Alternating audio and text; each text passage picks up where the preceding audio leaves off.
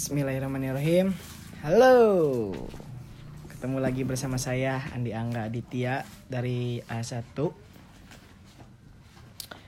Sekarang kita akan membahas tentang uh, human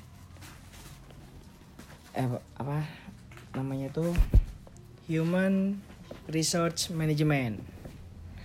Oke, jadi human research management itu dia berfokus kepada SDM spesifiknya manajemen sumber daya manusia Pem pemanfaatnya itu secara individu bisa secara grup bisa sehingga membuat uh, efektif agar bisa memaksimalkan tujuan organisasi atau suatu perusahaan.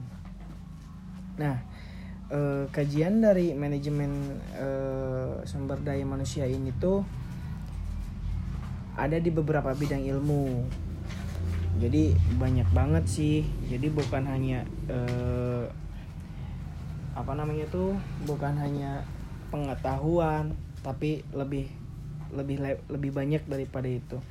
Karena kita pun harus mempunyai yang namanya manajemen sumber daya manusia karena kita harus uh, mengom kalau ibaratnya kita lagi di perusahaan tuh kita harus tahu pekerjaannya bagaimana dan apa jadi kita tidak bisa melakukan itu sendiri sehingga kita harus mengimplementasikan sistem perencanaan, penyusunan, pengembangan dan lain-lain. Ya kayak gitu sih kurang lebihnya.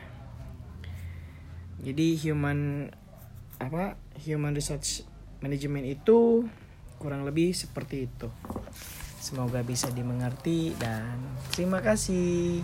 See you on the next podcast. Bye.